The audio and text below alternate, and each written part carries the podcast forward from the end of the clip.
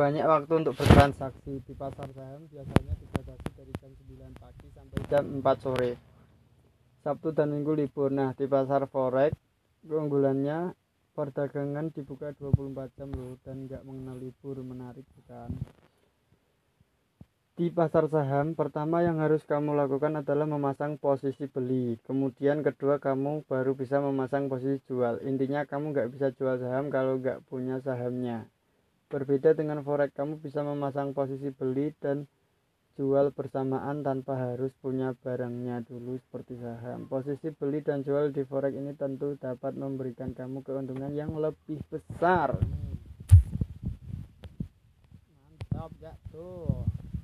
Hanya butuh sedikit modal. Modal untuk masuk di dunia forex bisa dikatakan kecil atau relatif terjangkau. Namun memiliki buying power investasi yang besar. Contohnya kamu hanya membutuhkan 25 dolar untuk melakukan transaksi forex senilai 1000 dolar